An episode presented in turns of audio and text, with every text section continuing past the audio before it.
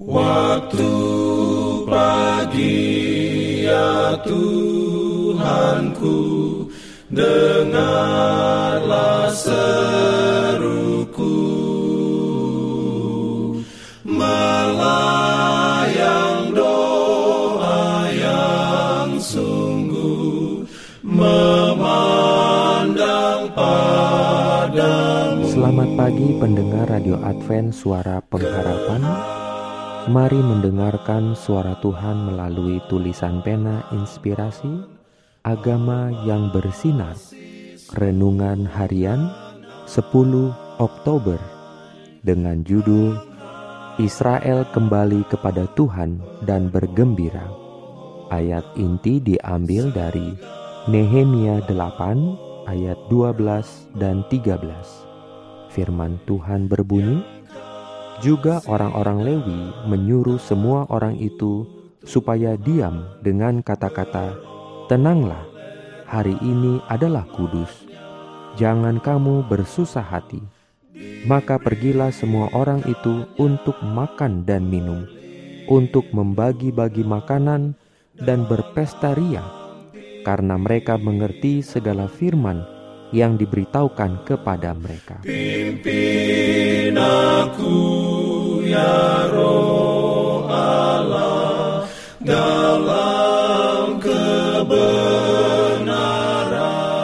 Urayanya sebagai berikut. Ketika itu adalah hari raya Pondok Daun. Banyak orang berkumpul di Yerusalem. Pemandangan di sana dalam suasana berkabung. Tembok Yerusalem telah selesai dibangun dan pintu-pintu gerbang sudah dipasang tetapi sebagian besar kota itu masih tetap reruntuhan. Di atas sebuah mimbar kayu yang didirikan di atas salah satu jalan raya, dan di setiap sudut dikelilingi dengan peninggalan-peninggalan menyedihkan dari kemuliaan Yehuda yang telah lenyap. Berdirilah Ezra yang kini telah menjadi seorang yang tua. Orang-orang Lewi dan imam-imam tertentu bersatu dengan Ezra dalam menerangkan prinsip-prinsip hukum itu. Dengan penuh perhatian, seluruh umat mendengarkan pembacaan kitab Taurat itu. Mereka mendengarkan bersungguh-sungguh dan hormat kepada sabda yang maha tinggi. Ketika hukum diterangkan, mereka diyakinkan akan kesalahan mereka, dan mereka bersedih oleh sebab pendurhakaan mereka. Tetapi hari ini adalah hari raya, suatu hari bersuka-suka, suatu perhimpunan yang kudus, suatu hari yang Tuhan telah perintahkan kepada bangsa itu supaya bergembira dan bersuka-suka. Dan sehubungan dengan hal ini, mereka diajak untuk menahan kesedihan mereka dan bersuka-suka oleh sebab rahmat Allah yang besar kepada mereka.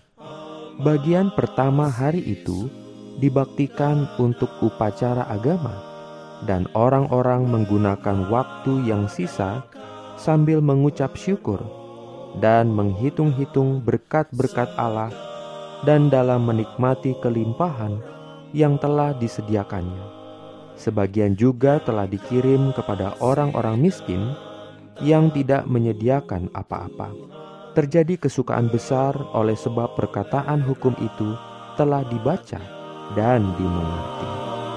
Amin.